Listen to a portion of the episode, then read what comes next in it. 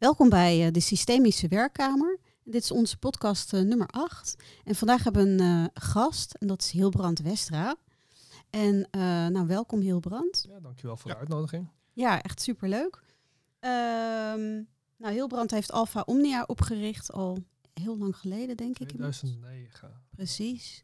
En daarnaast leid je ook mensen systemisch op in de school voor het systemisch bewustzijn. Ja, correct. Afgekort SSB.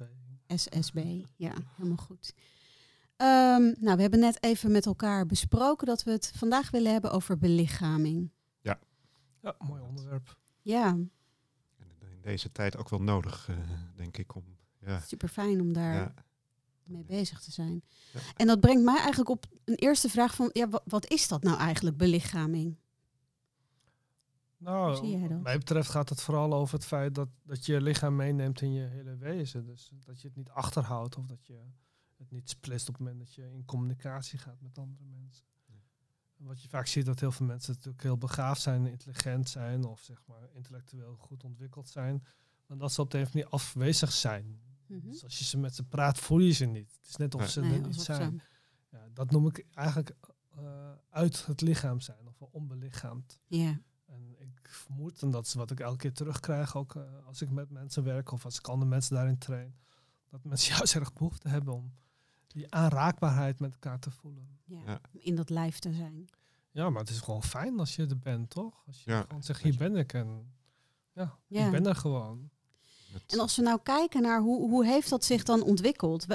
Waar is de mens, heb, ik weet niet misschien of je daar een antwoord op hebt hoor, maar waar is de mens dat lichaam dan, dan vergeten? Of wanneer is dat ja, zich gaan ontwikkelen dat we uit ons lichaam zijn gegaan?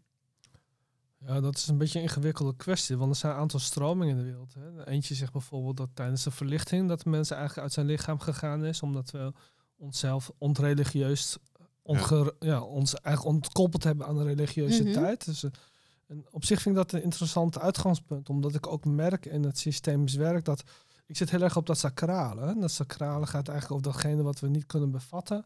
We kunnen het alleen maar waarnemen als het zich voordoet. Ja. Dat kun je ook alleen fysiek doen met je lichaam. Dus dat kun je niet met je, je kunt niet met je hoofd zeggen, nou, dit was een interessante sacrale ervaring. Dat werkt dus niet. Nee. Nee, want dat is een ervaring die je in je hele lijf voelt in feite. Ja, en dat betekent in essentie dat er wel een zekere mate van religieuze ervaring in zit. Even los of dat kerkelijk is of via andere reli- religie. Maar dat, dat kun je alleen zeg maar via je lichaam opnemen. Een andere stroming zegt nou, het heeft te maken met name vooral dat mensen van het platteland richting de steden gingen. En de industriële revolutie, de verstedelijking. En dat mensen veel meer werden gewaardeerd en ook gehonoreerd, financieel ook betaald op basis van intelligentie. Ja. Eigenlijk wat ze bedoelden, intellectualiteit. En dat je logisch kunt na- eh, nadenken en dat je ook logisch kunt handelen. En naarmate je daar meer mee kunt, dus de output hoger is voor de samenleving, nou, dat dat op die manier ook beloond werd. Ja, maar, Met dus, andere woorden, mensen zijn in zekere zin ook beloond om uit hun lichaam te gaan. Ja. waar eerst de spierkracht eigenlijk de toegevoegde waarde was, is later het intellect naar voren gedrongen. Ja, onder andere, maar ook het feit dat we daarmee in zekere zin ontkoppeld zijn met de natuurlijke gebeurtenissen van mensenlevens. Ja. Dus eh, ja, eigenlijk zie je eigenlijk een zekere vorm van in- industrialisatie optreden die losstaat van economische industrialisatie, maar de industrialisatie van de mensen. Ja, ja Dus, eh, eh, het is, eh, als je het daarover hebt, ik heb op school geleerd dat je hebt productiefactoren en arbeid is een productiefactor, waardoor je dus eigenlijk het in mijn ogen helemaal lostrekt van het menselijke aspect. ja. En ik denk dat dat in het neoliberalisme op dit moment ja, is dat natuurlijk de stroming. Mens, mens wordt ingezet om geld te verdienen. Ja, dat lijkt me ook een ingewikkelde materie. Want als je zeg maar de, eh, het liberalisme eigenlijk ont, ontleedt, dan kom je automatisch bij John Stuart Mill terecht. Ja, En Bentham en anderen. En die hebben het eigenlijk over eh, keuzevrijheid, Ja. utility denken. En ook mogelijkheid dat je gebruik kunt maken van de dingen die voorhanden zijn. Dus ik, het is een veel complexere materie dan we het over het algemeen ja. denken dat het is. Hè. Dus, eh, Ja. Maar wat mij wel frappeert in zekere zin, en dat kun je wel terugzien in de moderne geschiedenis, dat we bijna alles hebben geïndustrialiseerd. Met andere woorden, dat we dingen tot een productiefactor hebben gemaakt.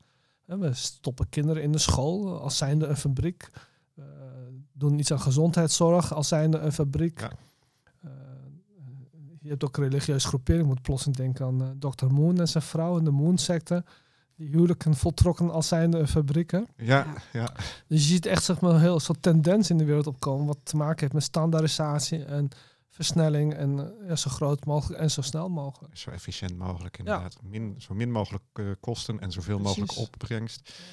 En dat wordt dan gehangen aan een uh, financieel plaatje. Niet zozeer aan, aan geluk of, of, of, plezier in het leven, denk ik wel eens. Ja, dat vind ik ook een beetje een lastig onderwerp. Want, uh, het, het, idee dat, dat je kunt zoeken naar geluk, dat dat bestaat, dat vind ik een beetje een, een raar verzet. Want wat we al lang weten, geluk is een uitkomst van omstandigheden. En niet Ja. zeg maar een resultaat van uh, opgelegde of zeg maar doorverwezen doelen die je dan denkt te kunnen halen. Het heeft veel mee te maken, eigenlijk in essentie, als jij er als mens, als persoon individueel bent, dat je dan waarschijnlijk eerder geluk zult ervaren dan Ja. als je alleen met je hoofd op zoek bent naar geluk. Ja, ja precies. Nou, dan kom je toch weer op die belichaming Ja. die daar onderdeel Ja, van is. Ja. Ja, en ik hoorde je er net ook iets zeggen over dat we verder weg zijn geraakt van natuurlijke events in het leven. Zei je dat zo? Misschien Ja, live events, ja. Ja, precies. Rituelen misschien. eh, Nou ja, wat ik laatst een eh, interessant gesprek met iemand had die zich eh, vooral toelegt op het moment van, eh, over zaken rondom geboorte, Ja. mhm. Is dat we ook zelfs geboorte geïnitialiseerd hebben. Ja. Dus Ja. dat een vrouw geen eigen keuze meer mag of kan maken om op haar manier kinderen ter wereld Ja. te brengen. Dat is eigenlijk te zot voor woorden wat mij Ja. betreft. Mee eens. En daar wordt ook heel veel angst in, eh, Ja. in gebracht.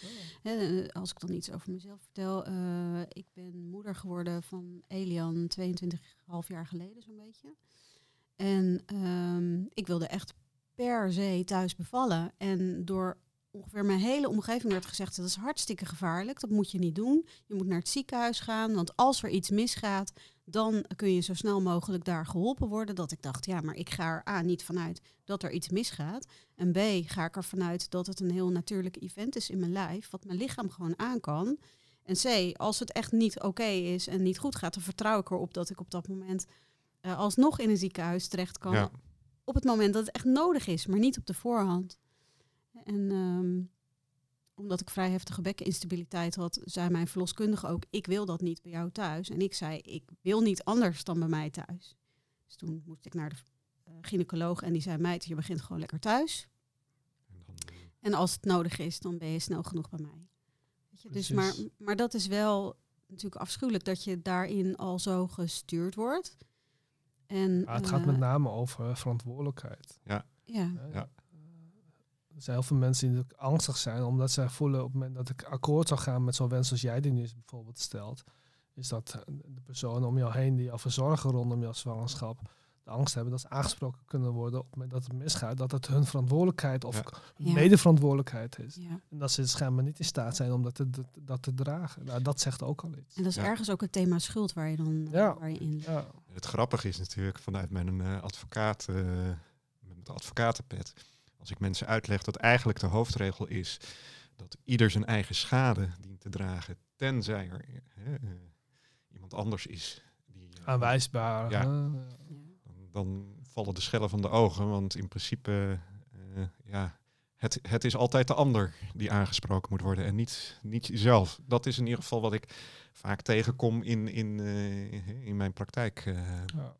En dat heeft ook een beetje te maken met de Nederlandse cultuur. En Nederlanders Ja. willen alles kunnen afkopen om risico's te vermijden. Hè. Ja. Het is niet voor niets dat Nederland de hoogste polisdichtheid ter wereld heeft, hè, op per hoofd van de bevolking. ja, is dat zo? Dat, dat, Ja. dus dat zegt Ja. ook al iets. Hè. Ja. Dus dat is voor alles een verzekering. voor alles een verzekering. Ja. Ja. behalve oorlog. Hè. We kunnen ons niet verzekeren tegen oorlog.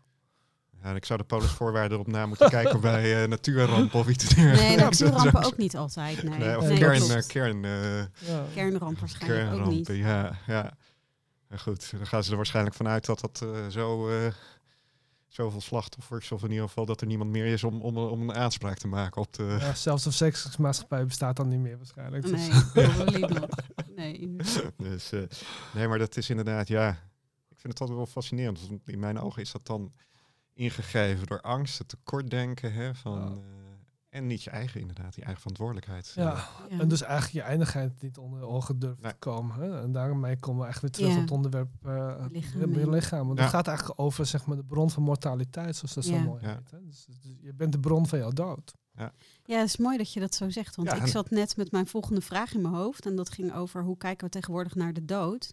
En hoe, hoe ging dat vroeger, bij wijze van spreken? Hè? En hoe, zien we, hoe kunnen we dat systemisch zien? En hoe kunnen we onze eigen dood belichamen een bepaalde manier? Ja, ja, als het goed is belichamen we onze dood eigenlijk al. Als je bewust bent dat het leven Ja. eindig is. En dat er op dit moment ook allerlei cellen sterven continu. Letterlijk, hè? hè? En- Ja. ja. Letterlijk. Ja. Ja. Ja, je bent continu aan het regenereren. Ja, en als, als dat regeneratieproces ophoudt, Ja. Stopt het. Biologisch gezien natuurlijk, eh, wij mannen sterven af na ons 25 dus dat is Ja. een beetje lullig, maar Ja, waar, ligt dat, waar ligt dat voor vrouwen dan? Dat is toch vergelijkbaar? eh, is ongeveer hetzelfde. Maar, Ja. ja. Ja, maar Ja. mannen zijn natuurlijk makkelijker op te offeren dan Ja, vrouwen. precies. Dat is waar. eh, En tegelijkertijd in een, ehm, in een gemeenschap van, met alleen maar vrouwen is een man natuurlijk wel weer heel erg noodzakelijk. Ja. Ik Want, geloof dat sommige vrouwen daar andere mening over hebben. oh nee, ja. Er zijn Want? stromingen in de wereld die juist af wil van de mannen. Hè? Dus, ja. Is dat zo? ja, er zijn vrouwelijke stromingen die willen af van de man in de wereld. Ja. wat grappig joh. Ik Ja, moet er niet aan denken. Een wereld zonder mannen. Ja.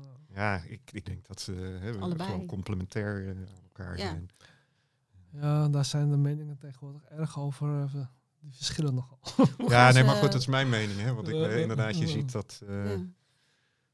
Maar, eh, dus, eh, nee, maar de dood is iets wat er niet meer mag zijn. Terwijl je inderdaad... ik ja, en dat- ziekte idem. Ja. Je mag ook niet meer ziek zijn. Maar vanaf geboorte ben je terminaal natuurlijk. Hè? Dus Ja, daarom, dat is dat, het- eh, daarom dat je dat, lichaam eh, is mortaal. Hè? Ja. Woorden, het huis, de dood, de dood huist in het lichaam. Ja. Ja. Of En als je- als je andersom. iets kunt zien hè, als ehm, iets wat nodig is. Ik zat dan ik, eh, afgelopen vrijdag eh, wandelde ik even en keek zo van ja, blaadjes vallen, hè, de herfst. Dus het is, je komt weer aan het eh, einde van het, van het jaar terecht. Dus ik te denken eigenlijk, als je nou alle controle loslaat, hè, wat, in Mhm. hoeverre heeft de natuur controle? En dus ook de dood omarmt, dan kun je ook zien, denk ik, dat de dood ook goed is. Hè? Op, op dode lichamen wordt weer voortgebouwd. Dat, eh, Dood hoort bij het leven. Dat is Ja. zo Ja. oud als de weg naar Rome. En alle oude wijsgeren, of het dan in het westen of in het oosten is, hebben dat eigenlijk altijd al gezegd. Ik snap niet waarom wij daar niet naar durven te luisteren. ja. Ja. Nou ja, als je de dood accepteert, is het leven een stuk makkelijker. Ja, dat vind ik ook. Maar heel veel mensen vinden dat heel eng, die Ja. gedachte. Want waar ben ik dan nog? Ja. Als dat waar is. En wie ben ik dan nog, hè, als dat waar Ja. is? En waar dient het dan allemaal toe? Ja. ja dan kom je Dan natuurlijk. kom je op het stuk van zingeving en betekenisgeving. Ja. Dus, eh, dat, eh, Ja.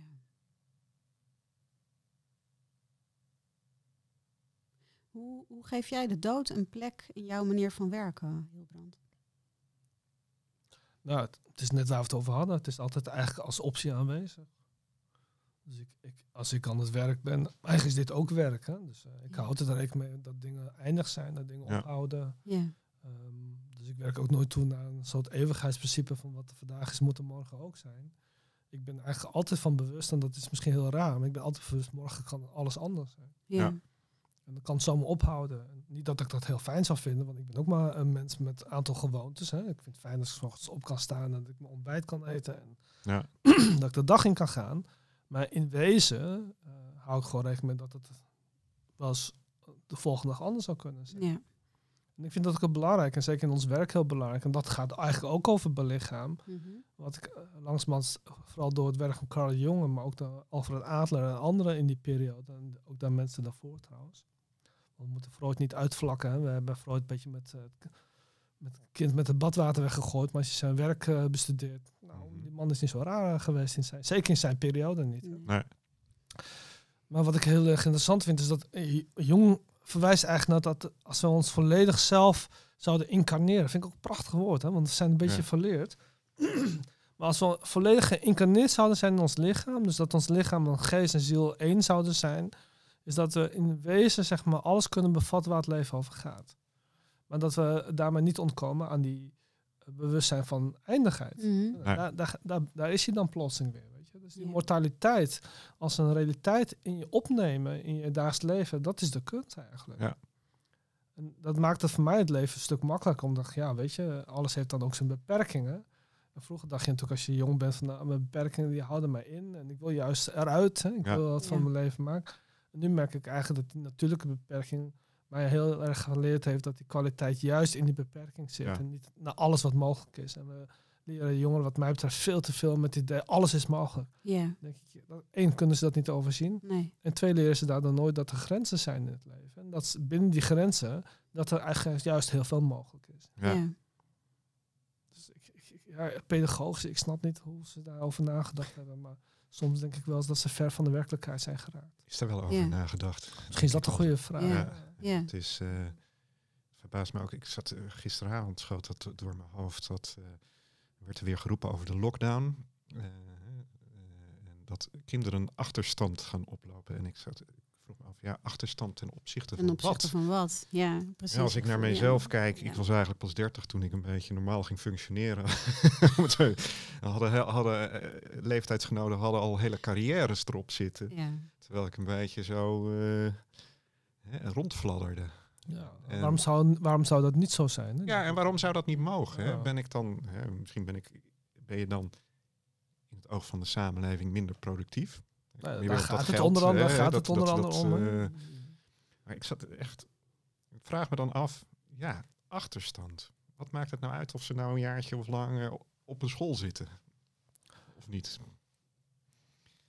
Ja, dat is dan ook inderdaad van... eh, ja, Ja, maar die eerste past niet in die productiefactor. Nee, Nee. Als je, als je dat zero deficit systeem neemt, wat in Japan ooit ontwikkeld is. eh, niet voor niets natuurlijk bedacht door Japanners. maar eh, dat, dat je eigenlijk geen moment van verlies mag hebben Nee. in dat productieproces. Ja, dat, dat gaat op een gegeven moment knellen. Dat is gewoon... eh, Terwijl juist in, in het verlies, of nou ja, verlies, ik, eh, zo kun je het eigenlijk niet noemen, maar in het moment van rust, hè, dus de vertraging, ja. de winst zit. Ja. Je hoort het natuurlijk ook nu meer en meer, als je kijkt naar het arbeidsproces, dat eigenlijk, ja, mijn vader die werkte eh, vijf dagen, of eh, zes dagen. Eh, toen ging de zaterdag eraf en nu hoor je mensen al dat je, ja, nog minder moet gaan werken, maar daardoor de productiviteit juist weer omhoog gaat. Ja. Het is alleen jammer dat daar dan weer die productiviteit aan opgehangen wordt. Hè? Net zoals ja, als we dat nou eens los zouden laten. mindfulness. Hè? Ja, waarvoor is mindfulness goed? Dat je lekker weer goed kunt doorwerken. Ja. Ja. En dat eh, gewoon even lekker suf. Geeft alweer aan het woord suf bij mij. Dat ik ook in dat denken zit. Van door het bos wandelen. En, en, en het moment laten besluiten welk pad je neemt. Wat je tegenkomt. Ja, why not? Huh? Dat is dan Daar ook wel Japans, hè? De Shinroku. De- Ja. Dat ook weer bos, het bosbaden. Ja. En dat is dan wel, wel weer bijzonder, hè? dat je in Japan dan die stroming ziet van dat heel hard werken en de productiviteit. En tegelijkertijd dan ook wel weer ergens iets met het bosbaden en het in de natuur zijn. En dus zich heel erg bewust zijn van de... Maar dat zijn twee extreme uitersten die weliswaar in dezelfde cultuur, zeg maar, Maar niet door dezelfde mensen beoefend wordt nee, wellicht. vaak niet. Nou ja, alhoewel, Wel. ik, ik, ik heb Japans management eh, bestudeerd. En je zag in een ze- zekere zin dat idee van meditatie ook weer terug in, in eh, bedrijfsomgevingen, maar dan collectief. Hè? Dus met z'n allen ochtends gymnastiek doen en Ja. Ja, meditatieoefeningen doen. Ja. En, eh, ja. wat ze in Japan bijvoorbeeld eh, hebben, wat wij in het Westen nog steeds niet hebben ingevoerd, wat mij eigenlijk een heel goede tip zou lijken, zijn zogenaamde recovery rooms. Dus, dus dat jij in je pauze gewoon even een kwartiertje je ogen dicht kunt doen. ja, Of in je lunchpauze niet gaat eten, maar een half uurtje gaat slapen. Ik noem maar wat. ja. Ja. Dus eh, ergens zit er ook wel een, zeg maar, een soort ontluchtingssysteem in. Hè? ja. Ja. En wij kijken natuurlijk vooral naar die extreme tijd eh, uit Japan. Maar goed, ik noemde net eentje, maar je hebt ook de tegenovergestelde beweging daarin. Ja, precies. Ja. Ja. Dat, eh, Ja. En dat had het misschien ligt natuurlijk een beetje in balans. Want als je mensen zo eh, efficiënt laat werken, eh, moet je ze ook in zekere zin natuurlijk eh, laten eh, ontspannen in zekere zin. ja. Ja. Ja, zeker. En als we teruggaan naar, naar dat stukje wat gaat over het, het eindige leven, hè? Ehm, het, het kijken naar de ziel, bewegingen van de ziel, die wij in ons werk dan zo noemen. Hoe, hoe kijk jij daarnaar? Wat, wat noem jij de bewegingen van de ziel? Hellinger heeft daar dat is, dat een is en een hele ingewikkelde vraag. Die Ja. klinkt makkelijker dan het antwoord. Nou, één, dan denk ik dat we eerst allemaal met elkaar eens zouden moeten zijn over wat wij onder ziel verstaan. En daar gaat het Ja. vaak al fout. Ja. Ja. Want eh, er is geen eenduidige definitie van ziel. Nee. Binnen een systemisch werkveld, althans als je transspiritueel ontwikkeld bent, is daar wel een soort gemene deler in te vinden.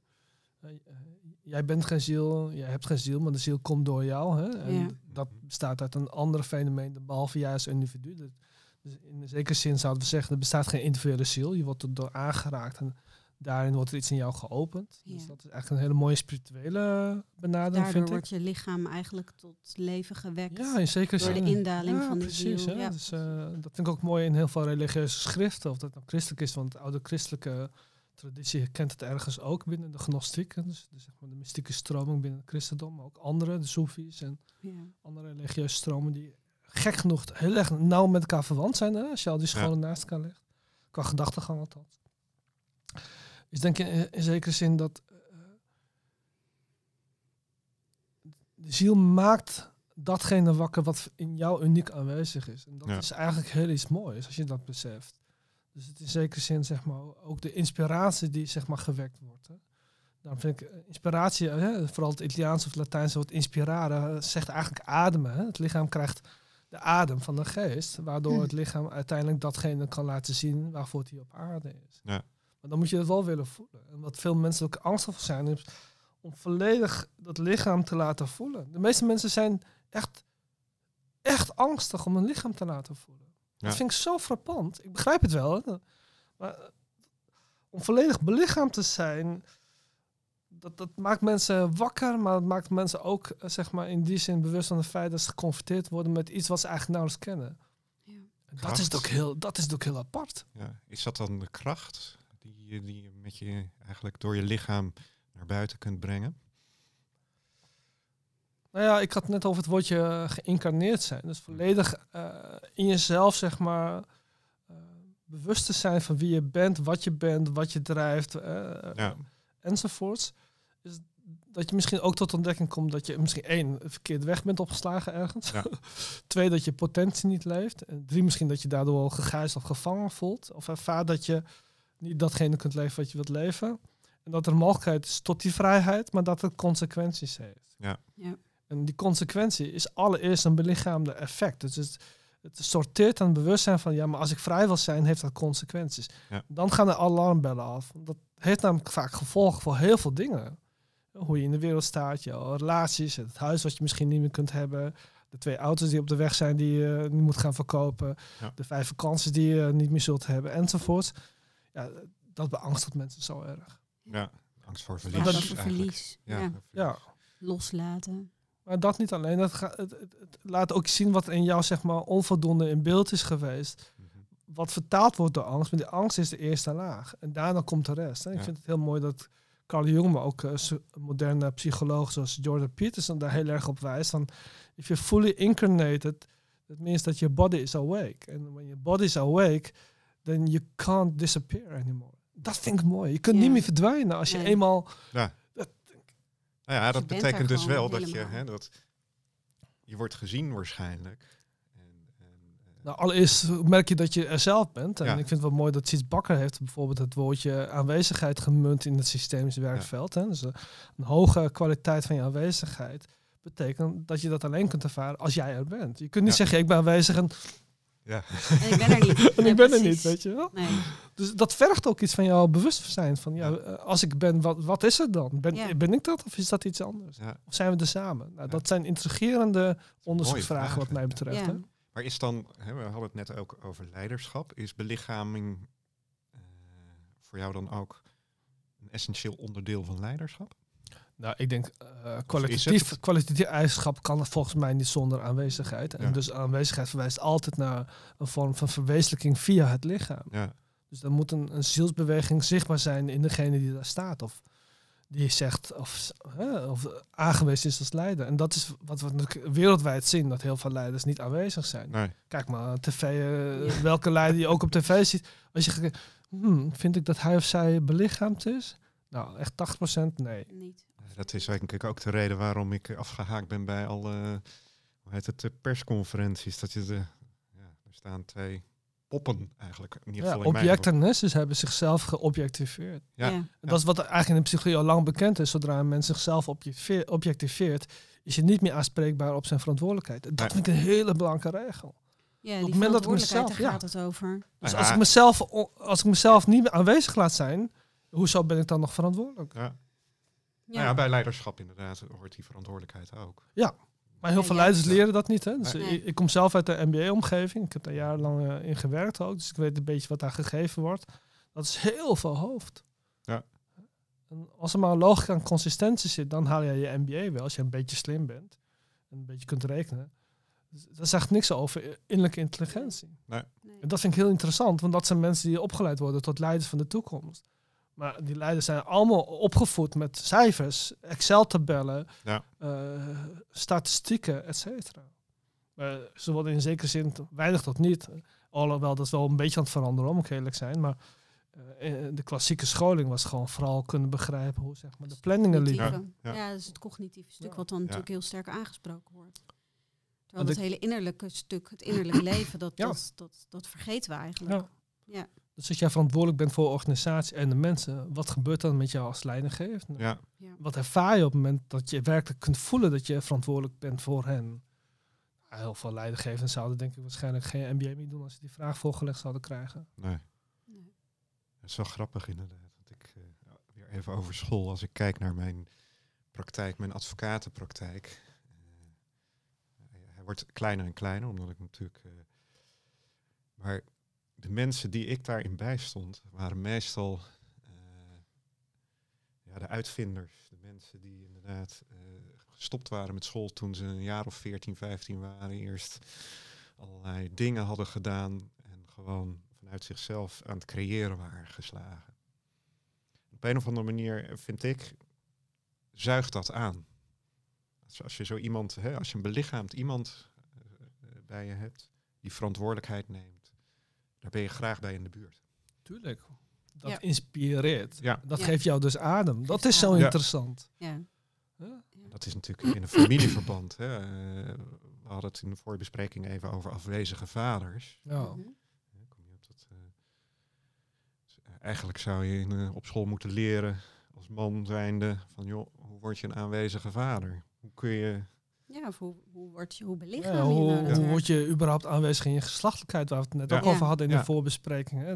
Draag ik het geslacht wat ik heb? Nou, dat mogen we niet meer hardop zeggen in deze moderne Nee. wereld. Want het geslacht, ja, dat doet er niet meer toe, weet je. Nee. Maar ik denk dat is onzin. Het geslacht wat ik draag doet er juist wel toe. Want hoe kan ik anders in mijn li- mannelijke lichaam aanwezig zijn? Als ik het niet kan hebben over mijn penis, over wat dat met me doet, hoe ik daarmee in de wereld ben, maar waar hebben we het dan over? Ja, dat Ja. is natuurlijk onze geslachtelijkheid, is onze creatiekracht. Dat Ja. is waar de levensenergie Ja. vandaan komt in feite.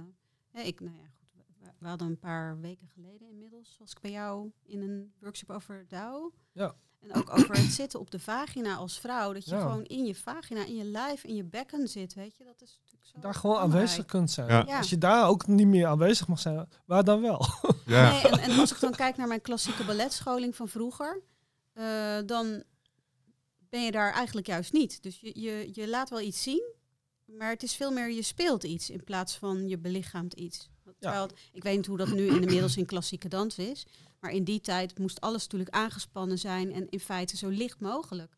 Terwijl bijvoorbeeld in de moderne dans de zwaarte juist telt en het in je lijf zijn en de rauwheid. En het, dus dat, daar, daar zit ook dat, dat, die grote tegenstelling tussen de lichtheid, dat is dan mooi, en de rauwheid, dat is dan ja, voor sommige mensen ook echt te veel of zo.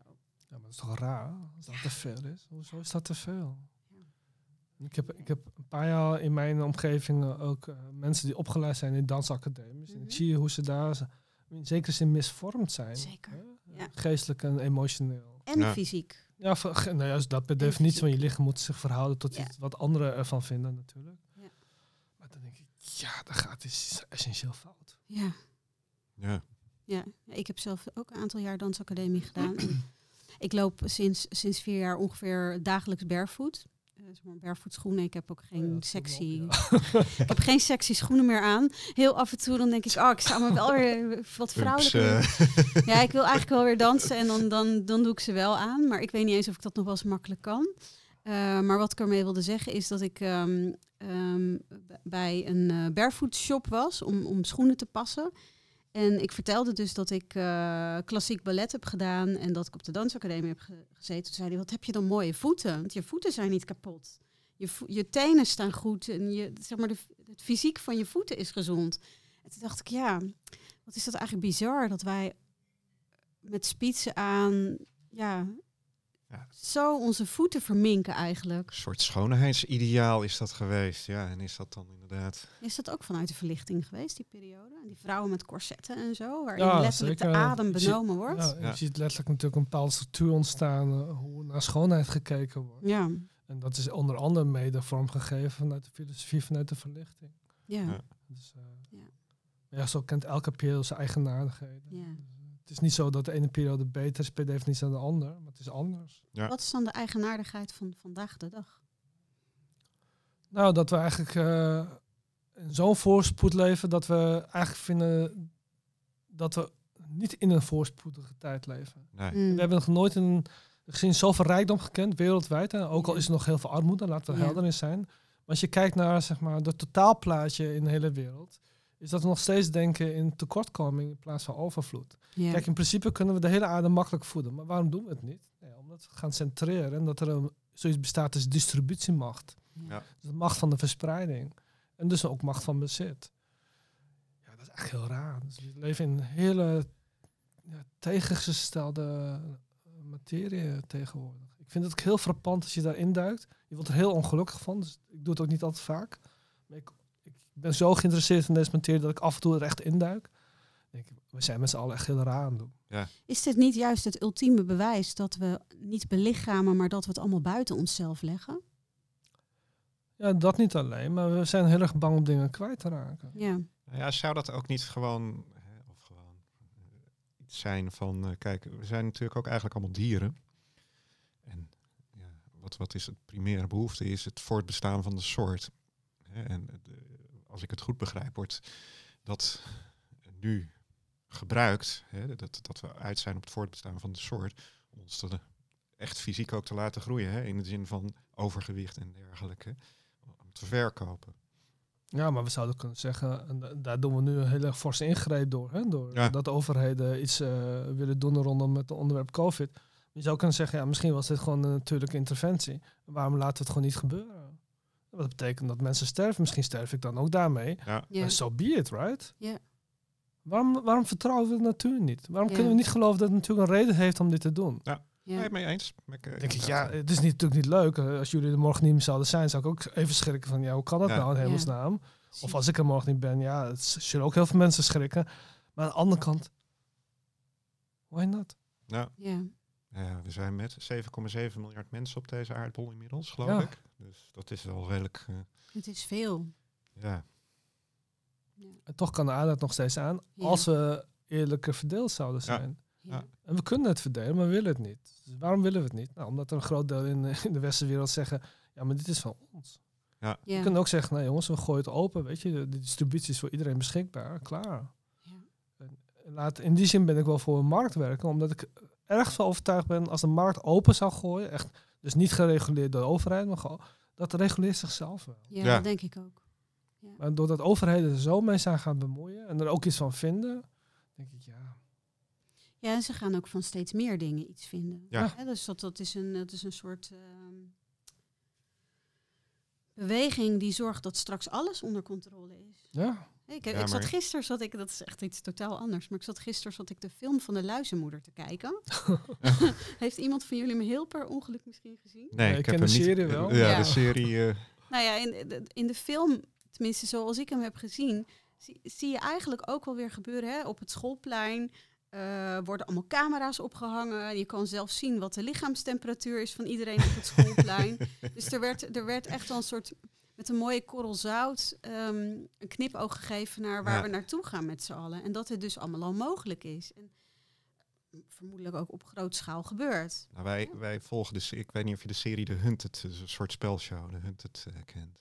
Moeten dus mensen die moeten uit handen blijven van de politie. Die zijn voortvluchtig. Nou, als je ziet hoeveel camera's, eigenlijk heel Nederland is, is vrijwel gedekt door camera's. En als je je een mobiele telefoon eh, bij je hebt, dan ben je sowieso te volgen. En de moderne auto is tegenwoordig ook gewoon. Ja. Ja, dus als Te we het dan weer dus. hebben over co- gecontroleerd zijn in een gecontroleerde samenleving. Wat zou het heerlijk zijn om gewoon ouderwets ergens in een stukje bos te verdwalen. Ja. Dat niemand weet waar je bent. Gewoon dat Ja. maar dat gevoel kennen we heel vaak ook helemaal niet meer.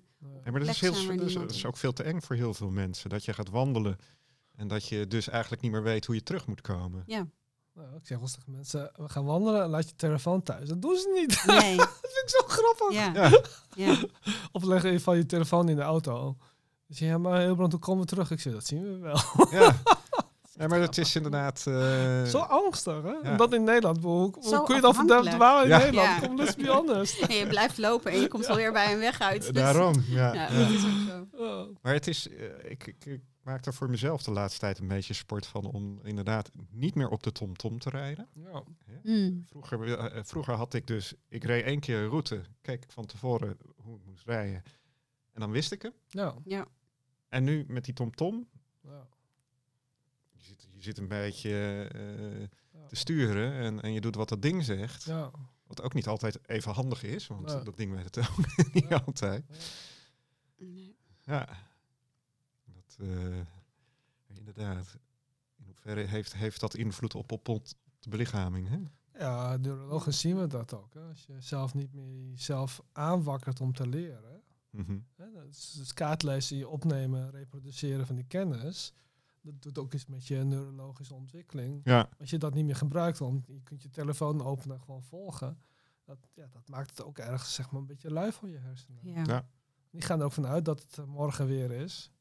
Dat je dus niet meer hoeft na te denken. Maar oh wee als dat apparaat het plots niet meer doet. ja. Ja. Schieten de meeste mensen plots in paniek. Terwijl we vroeger hadden we, ik weet niet of jij het nog kent, maar had je gewoon kaart in de Ja, auto liggen. ja. Precies, ik ook. Dus dat je En met dan stop je, ja precies ja. Ja. Ja, Met Stopt je zo'n met zo'n even. rijboek, weet je zo'n ja, autoboek op je boek van... schoot. eh, ja, ja, ja. Ja, Ja. in Grote stratenboeken. ja, ja, Ja. precies. Ja. Dat is Ja. inderdaad ook. En ik. Wij hadden het er laatst over. Dat van, eh, toen stelde jij de vraag van... Ja, wat zou je doen als je nu een knop had om het internet uit te, z- te ja, zetten? oh ja, precies. Ja. En wij hadden allebei zoiets Ja. van... Nou, dan zetten we het uit. Ja, why not? man. Ja. Ja. knal hem uit. Ja. Zou denk even een paar minuten zijn. even moeten eh, Ja. eh, hoofdknikken van, hè, wat is er Ja, precies. Maar, Maar als je kijkt... Ik denk... Nou ja, Ik denk dat de natuurlijk meeste mensen al, niet al, meer weten al hoe ze ermee om moeten gaan. de, de aanvallen gehad op Albert Heijn. Hè, dat de kaas... eh, we zijn er zo afhankelijk van geworden. heel raar toch? Ja. Ja. Ja. Heel raar. In een relatief korte tijd ook. Ja. Nou, in het tijdsbestek eigenlijk denk ik van een jaar of 10, 15. En ehm, als jij de kans had om het eh, internet uit te zetten, zou jij het dan uitzetten? En dan wil je internet in de wereld. Ja. Ja. Oh ja, wereldwijd. zeker. Ik denk dat ik dat eh, heel snel zou doen. Ja, Ja, dat maakt het voor heel veel mensen vreselijk eh, ingewikkeld natuurlijk. Want ik, maar, ik gebruik internet veel, dus laat ik daar heel helder in zijn. Ik vind het ook een geweldig eh, instrument. Hè? Eh, Ja. we krijgen toegang tot dingen die we vroeger helemaal niet konden. Ik maak veel gebruik uh, internet om dingen op te zoeken, naslagwerken te kunnen vinden. vooral veel papers. Hè? Dus, ja, dus laat ik eerlijk zijn, het is een geweldig instrument. Maar ik zie ook de grootschalige schade hiervan. Daar denken we eigenlijk wat mij betreft onvoldoende over na. Ja. En wat zie jij dan als schade van, eh, van het internet? Nou, een van de dingen wat mensen eigenlijk niet meer doen, is echt met elkaar communiceren. Ja, Eh, twee is dat eh, het leven heel vluchtig geworden is door internet en dat we ook daarna zijn gaan gedragen. En drie is denk ik ook dat we eigenlijk onvoldoende ons beseffen dat al die dingen die geschreven worden door mensen, door mensen worden geschreven. Ja.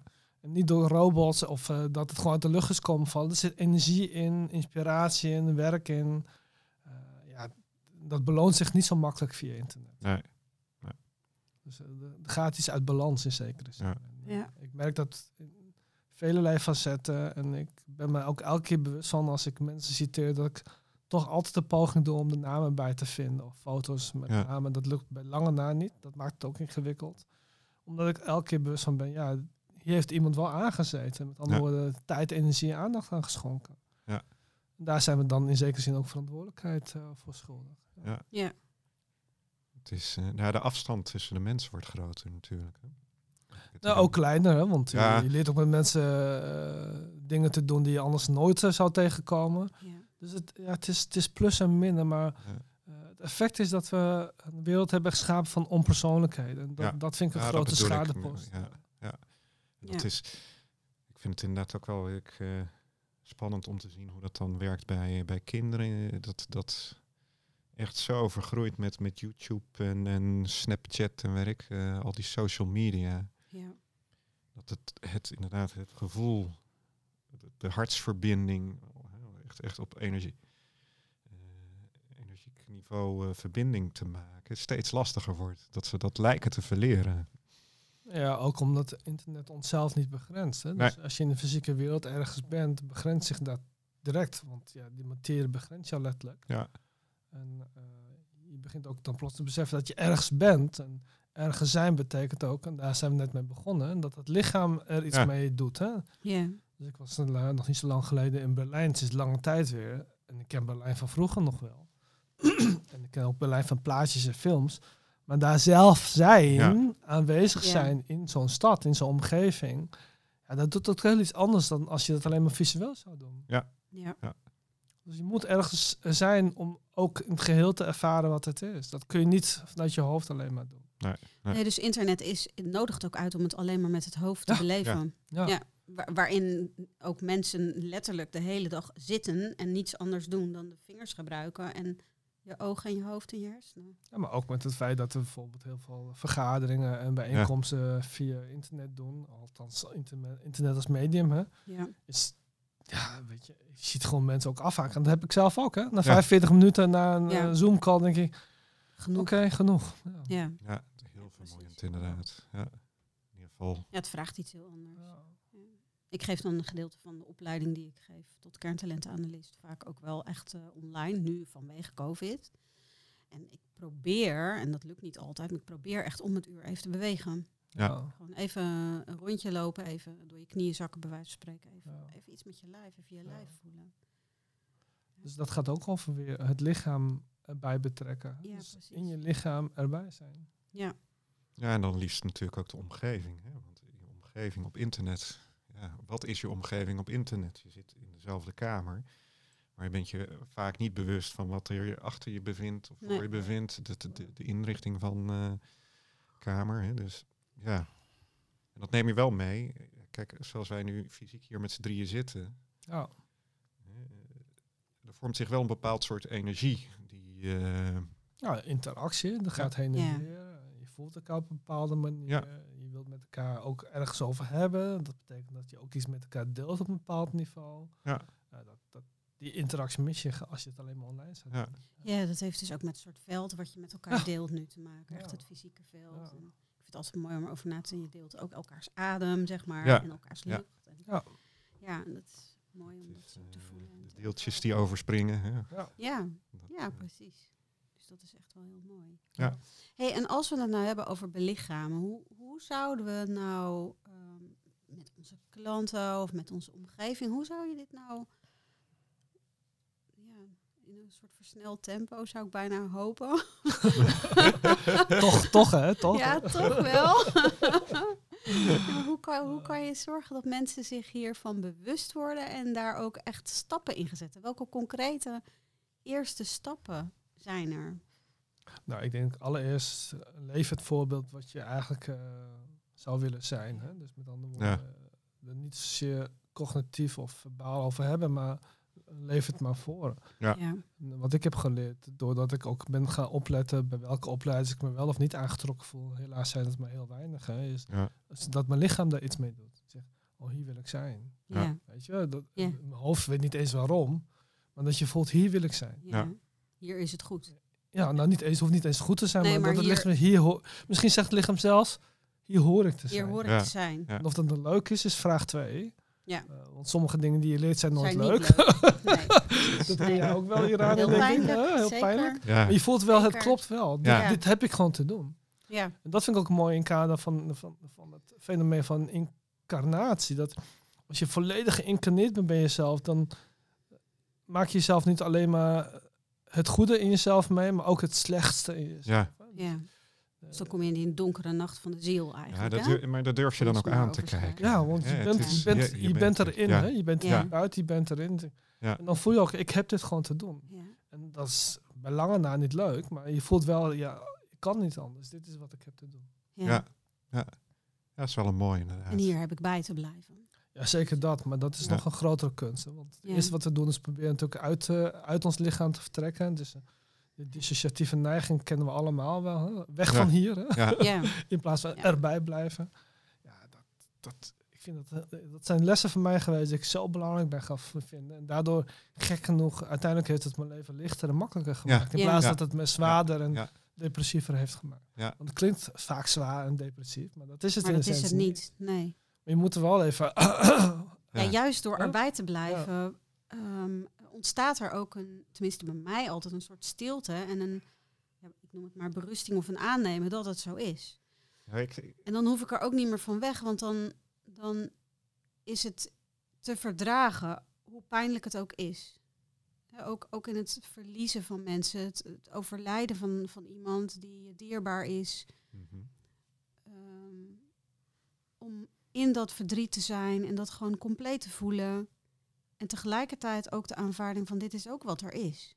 ja, Ik heb dat ja, met mijn schoonouders allebei meegemaakt. Dat, dat ik en dat verdriet gewoon zo kon voelen. Echt tot ja, van, van, van het topje van mijn kruin tot in mijn tenen. En dat het, ja, en dat het ergens ook zo is. Het is zo. ja. Ja, je omarmt het. Hè? Ja, maar je voelt ook dat het Ja. bijna toch niet anders kan dan?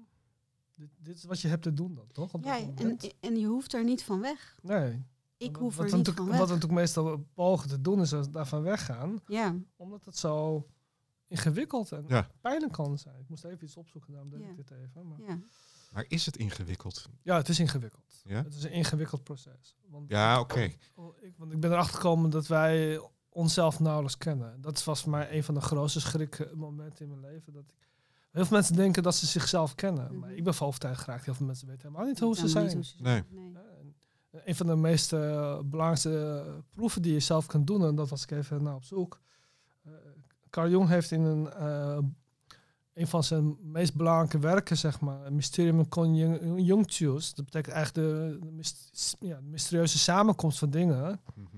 zegt hij op een gegeven moment in een van zijn boeken, in Sterquilinius Infinitor, nou, en eigenlijk zeg je daarmee, in, jouw, in jouw rottigheid, de, de, de, de horror die je in je draagt, zit de verlichting. Hè? Ja. En, eh, dat, dat, dat is onbegrijpelijk voor als je er niet mee bezig bent. Dan denk ik, waar heeft dit in hemelsnaam Ja. over? Hè? Dus ik heb het ook in die zin vertaald als ik ben het kwaad en de verlichting in één. Hè? Ja. Maar ik heb eerst dat kwaad in mezelf aan te kijken voordat ik besef wat die verlichting is. Ja. Ja. Terwijl we zijn zo gefocust op verlichting, zeker in de moderne wereld, het moet allemaal plezierig, leuk, aardig, Mhm. licht. Daardoor vergeten we eigenlijk waar dat vandaan komt. We moeten eigenlijk naar de stap daarvoor. En dat eigenlijk in- ben je bereid om je zwaarste en je meest schaduwrijke element van jezelf onder oog te komen. Dat Ja, je moet door het, door het donker heen om bij het Ja. licht te komen. Precies. Je kunt het, Ja. niet, je kunt het niet andersom doen. Je kunt niet zeggen, door licht zie ik het licht. Nee, dat- die andere kant van die aanwezigheid van jou, die, moet gewoon zichzelf kunnen zien. En Ja. zeggen, ja, uiteindelijk ben ik het licht, maar je kunt niet zonder mij. Ja. Ja. Een van mijn meest helende ervaringen in, in het systemisch werk is dat ik, dat ik mijn, mijn ingehouden schreeuw volledig, maar echt compleet en volledig eruit kon gooien. Met als gevolg dat de mensen die erbij waren echt zo geschrokken waren en hun ogen en oren dicht deden en gewoon er niet bij konden blijven. En, en, en dat ik dacht van ja, maar zo wil ik wel mezelf laten, zo wil ik mezelf niet laten zien, want dat was voor mij echt een drempel. Maar wel dat ik dacht, oh ja, dus dit is dus de kracht die ik, die ik in me heb. Ja. En dit is de, de, het zwarte gat wat ik ook ben. Of, Ja. of het, de, het, het donkerste stuk van mezelf. Zo wil ik mezelf eigenlijk helemaal niet laten zien. Maar ik ben het wel. Ja. En, zie En letterlijk net- scheurde er echt in mijn lijf van alles open. Weet je, ik, Ja. nee, het is echt. Het was Ja, het voor mij was het zo mooi om dat, om dat te ervaren. Achteraf. Ja, maar het is ook En een, mooie verwijzing ook. wat de natuur ook laat zien. Als je kijkt naar de lotusbloem die op het, eh, eh, op het water drijft, de wortels reiken eh, tot diep in in, de de modder, modder, van, ja. eh, Ja. onder het water. Maar we zien slechts de bovenkant ervan. Ja. Ja. Ja. En dat is ook wat we een soort van bijna vereren, bij wijze van Ja. spreken. Terwijl Ja. die wortels, nou, ik heb daar best wel veel ook over geschreven. Omdat in Bangladesh, waar ik vandaan kom, daar is de lotus natuurlijk ook zeg maar de eh, bloem. En, de, de nationale, het nationale teken. Ja, ik ken, En, ken hem niet eh, zo, maar eh, Ja, het zit natuurlijk, in eh, het... Zit in, oh hier, kijk, ik heb een armband om. En de lotus, de- aan mijn armband hangen allemaal Bengaalse muntjes. Ja. En dat zijn allemaal lotusbloemetjes. Maar het is natuurlijk ook een principe van de natuur, hè, dat je veel niet ziet. ja, precies. Ik denk dat de mensen die in jouw omgeving zo schrokken van jouw schreeuw, omdat dat hun eigen zwarte deel heel erg aanraakt. Absoluut. Eh, Want als ik dat laat zien, dan kan het niet anders dan dat zij geconfronteerd worden met hun eigen binnenwereld. Mhm. En dat is wat zo heftig is. En ik heb de dagen daarna dat dit gebeurde, heb ik het best wel zwaar gehad. Omdat ik dacht, jezus, wat heb ik van mezelf laten zien? Ja. Eh, en, en ja, Aan de andere kant, waarom ook niet? ja, Ja. waarom ook niet? Ja, het, hoort, het hoort bij je. ja, het, ja. Het feit dat anderen verschrikken zegt iets over hen en Ja. hun proces. ja precies. En dat is ook, ook Maar daar had ik dan weer bij Ja. te blijven daarna. Ja, dat ik dacht, ja, oh ja, is hun dit proces, is dan. Ja, precies. Ja. Dat is een super mooie ervaring geweest. Ja. ja, En voor mij dus een hele heftige. Ja. Want dan komt natuurlijk meer los dan alleen het geluid. Hè? Dat is het onderwerp eigenlijk. Ja, nee, maar mijn hele lijf, weet je wel, alles. Ik had het gevoel dat al mijn cellen open gingen. En eh, nou ja, goed. Ik kan er nog wel heel, veel meer over vertellen wat er in mijn lijf afgeworpen. gebeurde. hè, Maar als, je, als je kijkt naar eh, het dierenrijk, waar eh, Nou ja. het veel geleedpotigen geloof ik, die, eh, die eh, bij het groeien iets loslaten van zichzelf. Ja. Nou ja, dat- zo voelde het voor mij dan weer Slang niet. Het was veel meer eh, dat er iets openbarstte. Wat er, het gaat veel meer over dat het gevoel van mezelf terug moeten houden altijd. Hè? Ja. En dat is waar we denk ik in het begin van ons gesprek mee starten. Over die belichaming. Dat we ons zo terughouden. We zijn zo op een bepaalde manier Maar dat wordt ons geleerd, hè? bescheiden. Of, Maar gewoon, want dan doe je al gek Ja, genoeg. dat is natuurlijk het, eh althans in mijn ogen. Maar wat is gewoon, denk ik dan? Ja, Ja, Wat is gewoon? Wat zijn die condities die daaronder liggen? En voor Ja. wie zijn die condities gemaakt? En wie wint erbij en wie verliest erbij? ja. Want waar iemand bij wint, is er altijd iemand die verliest. is ook zo. Dus wat, wat voor de ene gewoon is, betekent dat de andere iets verliest. En da- daarmee maken we geen brugje naar de interactie die noodzakelijk is om beide werelden aan elkaar te verbinden. Want gewoon is ook een ongewone positie. Exact. Ja. Maar dat vergeten we vaak. Ja. Ja. Zonder het een niet het ander. ja. Dat is. eh, Waar ik dit eh, weekend nog, nog mee met een vraag die omhoog kwam. ehm, eigenlijk over adoptie en systemisch. Ehm, Toch nog over adoptie. toch nog over adoptie, ja, toch nog wel. want- Toch nog? eh, Ja, ja. Want, want ook als je het over belichaming hebt, hè, als je als interlandelijk geadopteerde Mhm. naar Nederland komt, Mhm. gehaald wordt, of hoe je dat ook noemt, Ja. hè, dan is er, zoals ik het ervaar, is er natuurlijk een heel Nederlands systeem waarin we in waarden en normen opgegroeid zijn of opgevoed worden. Ja. Maar wat ik zelf heel sterk voel, is dat ik dus ook die, in mijn geval, eh Bengaalse cultuur en familie wel degelijk ook in me heb. En als ik dan naar het systemisch werk kijk, Mhm. wat ik veel zie en wat ik, waar ik ook natuurlijk eh, in, in co-train, Mhm. is dat we heel erg naar het gezin van herkomst kijken, waarin we zijn opgegroeid. Terwijl als geadopteerde lijkt het me zo belangrijk om juist naar het oorspronkelijke gezin te gaan. En hoe zou je daar dan op een goede manier op kunnen werken? En is dat waar, wat ik denk? Oef, dat zijn heel veel verschillende onderwerpen Mhm. Waar Ja. zou je willen beginnen? Wat is voor jou momenteel het belangrijkste vraagstuk? Eh, ja. Hoe zou je als geadopteerde, interlandelijk geadopteerde, terug kunnen naar je roots zonder dat je daar concreet naartoe kan, letterlijk, fysiek. Ja, dat is heel mooi, want eigenlijk zijn we daar net mee begonnen, namelijk het nemen van je lichaam. Ja, precies. Dus de vraag is in hoeverre geadopteerden van kleur die uit, eh, zeg maar, niet uit Nederland vandaan komen, dus uit het buitenland in zekere zin. In hoeverre verhouden ze zich tot dat lichaam wat ze dragen? Of wellicht meer, hoe verhouden ze zich tot dat lichaam wat ze hebben en wie ze in zekere zin ook zijn? Ja, En wat we natuurlijk eh, langzamerhand weten, is dat bij veel geadopteerden van kleur die interlandelijk, dat is ook een eufemistisch woord, hè? ik snap nog steeds niet waarom ze niet hebben gekozen voor internationaal geadopteerden, maar Ja. interlandelijk, ja. tussen de landen in, denk ik. Hoe in heaven have this, hè? ja, dan hoor je goed. helemaal nergens Nee, dus een een Nee, beetje, het is precies. een ja. heel apart woord Ja. dat er in Nederland eh, geïntroduceerd is. ja. Eh, maar hoe verhouden die geadopteerden tot een lichaam? Nou, wat we slank weten is dat de meesten zich geen verhouding hebben met hun lichaam wat ze hebben. En dat is de reden waarom er heel veel vage pathologische of psychosomatische klachten optreden. Die groep zit vol psychosomatische klachten waar artsen Mhm. weinig of niks mee kunnen. Ja. Dat is niet raar, want het gaat niet om de fysieke of medische aandoening. Het gaat om waar zijn ze van weggeraakt. Ja. Nou, en allereerst is het antwoord van hun lichaam. Ja. Want de meeste geadopteerden hebben hun lichaam ter beschikking gegeven aan de adoptieouders. Want het is misschien heel, heel pijnlijk om te horen van adoptieouders. Maar ze hebben niet gekozen voor dat kind als een persoon. Ze hebben gekozen voor een lichaam wat op dat moment Ja. ter beschikking was. Ja. Want als dat lichaam niet ter beschikking was, was het wel een ander lichaam geweest wat ze hadden geadopteerd. Dus het is een hele idiote idee dat adoptieouders zeggen, ja, maar wist dat het ons kind was. Nou, als je eh, drie weken van tevoren een andere foto had gegeven, hadden ze het waarschijnlijk ook gezegd. Ja. Ja. Dus eh, dan zie je dus hoe raar die psyche werkt eigenlijk. Hè? Dat lichaam is plotsing toegekend door de psyche van de adoptieouders als zijnde hun kind. Ja. Ja, feitelijk is dat ook helemaal niet waar. Nee. Dus daar komt dat idee dan vandaan. Nou, dat heeft allemaal te maken met die verromantisering van afstand naar adoptie.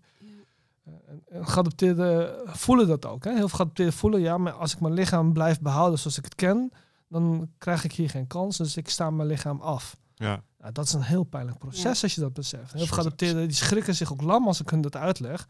Maar de meesten herkennen dit. Ja. Ik heb bijna nooit geadopteerd zeggen, ja, maar dit, dit begrijp ik niet. Het zijn heel veel geadopteerden die zeggen, ik begrijp het, maar dat, dat is niet voor mij van toepassing. Ook zo interessant, hè? Ja. Ja. Ik begrijp wat je zegt, maar het is niet voor mij van toepassing. Ik zeg, wat is hiervan niet van toepassing? Ja. Ja. Nou ja, ik weet voor mezelf dat ik heel lang door een proces gegaan ben dat ik niet wilde accepteren dat ik een donkere vrouw was. Bijvoorbeeld, dat is zo'n... En ook dat ik donkere mannen niet aantrekkelijk vond. Ik vond blanke mannen aantrekkelijk. Weet je, en nu kan ik, de laatste jaren is dat ook voor mij pas, kan, ik- kan ik zien, oh wat een mooie mannen zijn dat eigenlijk, wat een mooie vrouwen zijn dat eigenlijk. Oh, en oké, nou ja, ik begin ook wat meer van mezelf te houden daarin. Ja, tuurlijk. Maar dat eh, is een lange reis geweest. Ja, reis veel van ons een hele Ja. lange, lange, pijnlijke reis. Ja, ja. Ja, als Ja, en ik, en ik heb vriendinnetjes en die zeggen, als ik in de spiegel kijk, als geadopteerde, of als donkere vrouw, dan zie ik een blonde vrouw met, met een blanke huid. En dan denk ik, wow, nou dat heb ik dan niet gezien. Ik denk wel dat als je mij op mijn zestiende had gevraagd, je zou dat bad in kunnen stappen, dat doet heel erg veel pijn, maar je Ja. komt er blank en blond uit, dat ik het gedaan had. Ja, de meeste van ons zouden dat hebben gedaan. Ja. Laat daar helder zeggen. Ik denk zelfs, ik durf te gok te wagen dat 90% het zou hebben gedaan als ze dat hadden gekund. Ja. En dat is nogal wat. Hè, als je Dat dat, is beseft. echt bizar. Dat betekent dat je jezelf niet wilt zijn. Nou, misschien is dat niet eens de vraag. De vraag is, wil je overleven of niet? En het antwoord Ja. is ja. En overleven zegt, nou betekent dat ik mij goedschiks of kwaadschiks aanpas. Aanpas. Een extreme vorm van assimilatie is dat alles wat je bent, leg je af om te Ja. kunnen bestaan in de nieuwe wereld. Ja, Nou, dat is het mechaniek. ja dat is. Zou, het, zou dat... Kijk, ik, ik, ik heb daar geen, verder geen ervaring mee. eh. Eh, maar als ik jou goed begrijp, hè, dan vindt een soort dissociatie plaats. Het lichaam komt naar Nederland toe. Ja. Het lichaam is eigenlijk bedoeld om de adoptieouders ja, het goede gevoel dat ze goed bezig zijn, maatschappelijk verantwoord misschien. Hè, eh, Wat het ook is. Hè? wat het, ja, wat dat ook is voor hun. Hè, dus dat Ja, het kan vanuit ook iets. ouders. Ja, precies. Hè, dus met, met de beste bedoelingen.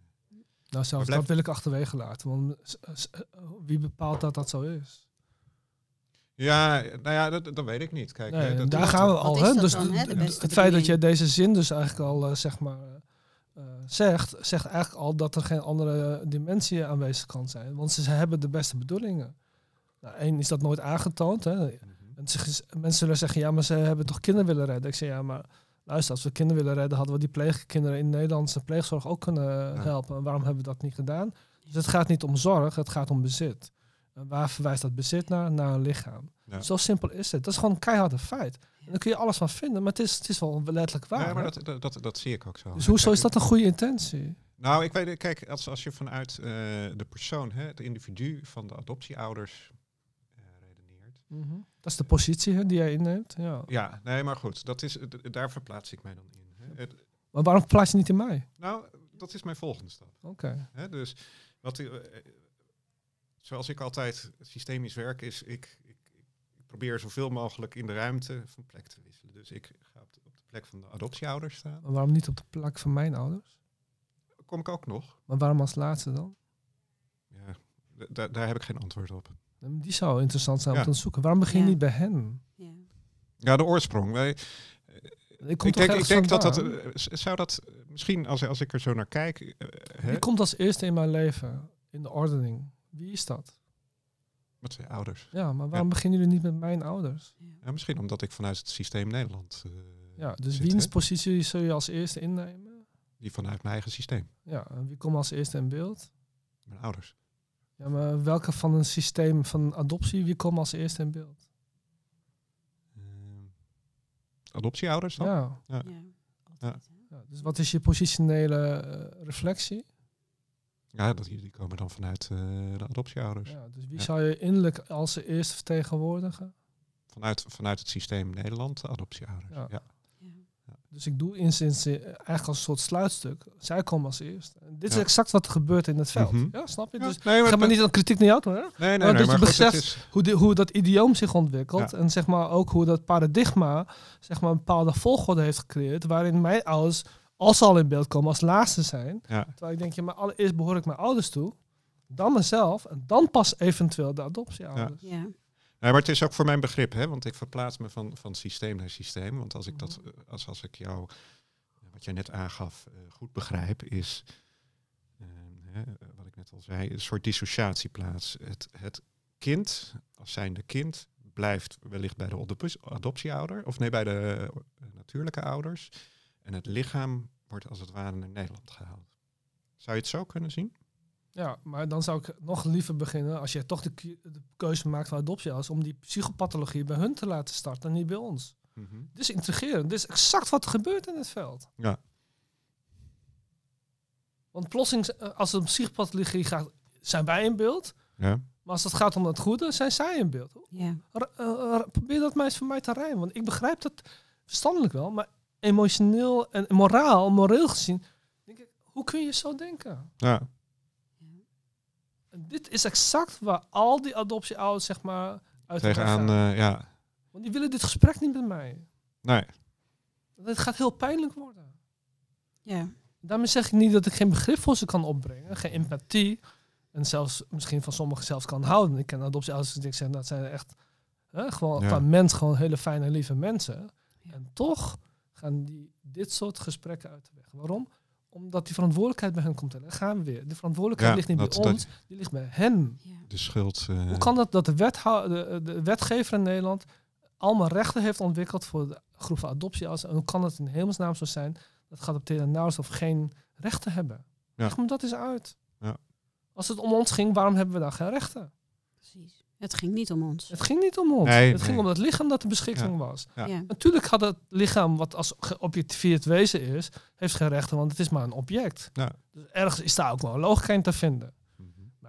Gaan we dan niet ergens de verkeerde bocht om? Maar het besef Ja. dat dat op logica berust, daar, ja, dat is natuurlijk eigenlijk al bizar.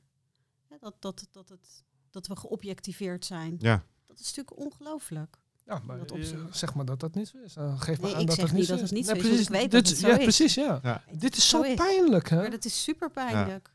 Zowel ook van geadopteerden pijnlijk, want die voelen dit ergens wel. Ja. Maar wat doet het met je op het moment dat je als geadopteerd, want jij bent dan het object van het onderwerp, hè, in Mhm. plaats van het subject, dat je zegt, maar dat subject in mij, dus de mens in mij, heeft dit wel ervaren. Ja. Om op afstand te blijven, objectiveer ik ook mijzelf. Dus niet alleen de adoptieouders hebben het lichaam geobjectiveerd, ook de geadopteerde heeft zichzelf Die geobjectiveerd. Exact. Ja. Alle gevolgen van die. Ja. Ja. Ja. Ja. En dan kom je weer bij de psychopathologie en psychosomatiek. En bij het niet in het lijf kunnen zijn. Of allemaal vage klachten, hè? orgaanklachten, slaapproblemen, slaapdeprivatie bij veel Ja. geadopteerde vrouwen een groot probleem. Mhm. Uh, middelengebruik is bij veel geadopteerde mannen een probleem. Ja. Uh, suïcide, wat ik al eerder vertelde in Ja. de voorbereiding, is vele malen hoger dan gemiddeld. Uh, probleem met, eh, zeg maar, eh, wat ik interessant vind in dat Zweedse onderzoek van 2003, wat blijkt dat heel veel geadopteerde mannen van kleur nauwelijks of niet een huwelijk kunnen aangaan, omdat bijvoorbeeld Zweedse of Noorse vrouwen of Deense vrouwen, die zijn ook vergelijkbaar, Nederlandse vrouwen trouwens ook, zijn op zich wel nieuwsgierig naar die gekleurde mannen, want ze zijn wel Ja. Nederlanders en ze, ze spreken prima hun taal. Maar de meesten zullen geen wil hebben om met hen te trouwen. Dus dat is, Nee. Daar zit ook. eh, eh, waarom hebben we het daar niet over? Terwijl het is gewoon Ja. aantoonbaar dat dat zo Ja. is. ja, Dit zijn van die onderwerpen die gewoon vermeden worden. Omdat dit is de prijs die anderen hebben te betalen. Behalve de samenleving die die kinderen hebben geadopteerd. Ja. Dat gaat er bij mij niet Nee, dat is ook Ja. zo. En dat stuk hè, over, over die aantrekkelijkheid of de nieuwsgierigheid naar de andere seksen, die heb ik in mijn, in mijn leven ook heel erg meegemaakt als gekleurde vrouw. En dan was ik geen relatiemateriaal, zullen we maar zeggen, om maar even bij de objectiviteit te blijven. Maar wel interessant om gewoon een Ja. keer seks mee te hebben, Ja. bij wijze van spreken. Ook dat gebeurt, hè? Super Ja. bizar. Ja, Ja. Maar vrouwen hebben dan in die zin natuurlijk wel het voordeel dat ze een, een grotere keuze hebben. Dan mannen. Ja, mee Maar zou, eens. kijk, Ja. hè, even, even naar- op mezelf betrekkend. Ik als onderdeel van het systeem Ja. moet dat aankijken. Om dat zwarte, hè, waar we het moet. net van... Maar als we het hier toch over hebben, dan zou ik Ja. zeggen, nou, laten we het gesprek naar me opengooien. Maar dan ga ik je ook vertellen hoe het in elkaar steekt. Ja, eh, graag. Ja, ja, Kijk, jij, eh, want, want ik, ik, ik, ik ben vanuit, eh, nou ja, zoals ik het een beetje meegekregen heb vanuit het christelijke, eh goedbedoelende, hè, eh, kom ik even terug, eh, eh, overtuiging. Misschien, eh, ja, wij doen goed. Hè, en, en of ik dan mezelf uitspreek of vanuit het systeem spreek, hè, dat, dat, dat is... eh, Ja, eh, ik, sna- ik snap de geschiedenis, ik snap ook jouw redenatie. En ik ben dit natuurlijk al decennia lang tegengekomen. Maar dan nog is mijn vraag, waarom is er niet over nagedacht?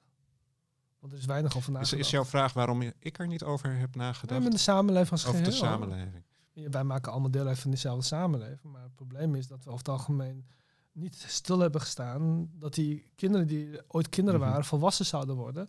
Misschien ook een maatschappelijk leven zouden willen opbouwen. Ja. Met wie moeten ze huwen? Met wie willen ze seks? Ja. Hoe verhouden ze zich tot een positie in de samenleving op sociaal-economische grond? Daar is nooit over nagedacht. Nee. Nee. Hoe kan dat- dat in dat- hemelsnaam? Want ja. die kinderen worden toch op een dag ouder en groter en volwassener? Hoe verklaar jij dat dan, Hilbrand? Hoe kijk jij het is een daarnaar? stuk naïviteit. eh, Nee, het, eh, weet je, het effect bij wat adoptie optreedt is wat ik noem het, zeg maar het puppy-syndroom. Ergens in hun Ja. hoofden van die adoptieouders blijven die kinderen eeuwig klein en troetelbaar. Maar dat is ook een, Ja. bijna een pathologie. Ja. Eindbaarheidsfactor is, eh, is groot. eh. Ja, maar dat zie je ook. Hè. We, we hebben ook wat testen gedaan en je ziet dat ook wel terug in beelden. Hè, dat adoptieouders krijgen dan foto's te zien van eh, jonge kinderen van kleur. Ze zeggen, oh wat schattig. Nou, dat, dat snap ik wel. En dat is ook heel menselijk. Maar dan zeg je, oh, maar dit kindje wil ik wel. Dan, het appelleert aan een bepaald idee van, van Ja, schattigheid. of, zoals je dat nu zegt, is inderdaad van joh, we gaan naar de supermarkt, de kindersupermarkt en we kiezen er een uit. ja, in zekere zin is dat ook gebeurd. Hè. Ja. Tegenwoordig sinds kort eh, mag dat niet meer. Hè. Maar je kunt nog steeds zoeken op catalogie, dat wel. En de prijzen zijn er nu eh, niet meer publiekelijk. Eh, nog een paar jaar geleden kon je gewoon op kleur zoeken en prijs. Hè? Dus als je veel geld had, dan kon je witte kinderen adopteren. Als je weinig geld had, ging je naar eh, Midden-Afrika.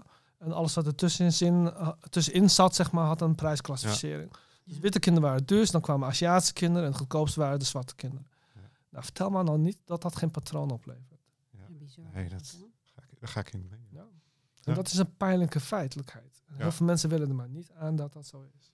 Ja, maar het is natuurlijk ook wel lastig. Hè? En, ni- en niet om te verdedigen, maar om de pijn, eh, om, die schuld te nemen, hè? dat jij de pijn bij de ander veroorzaakt hebt.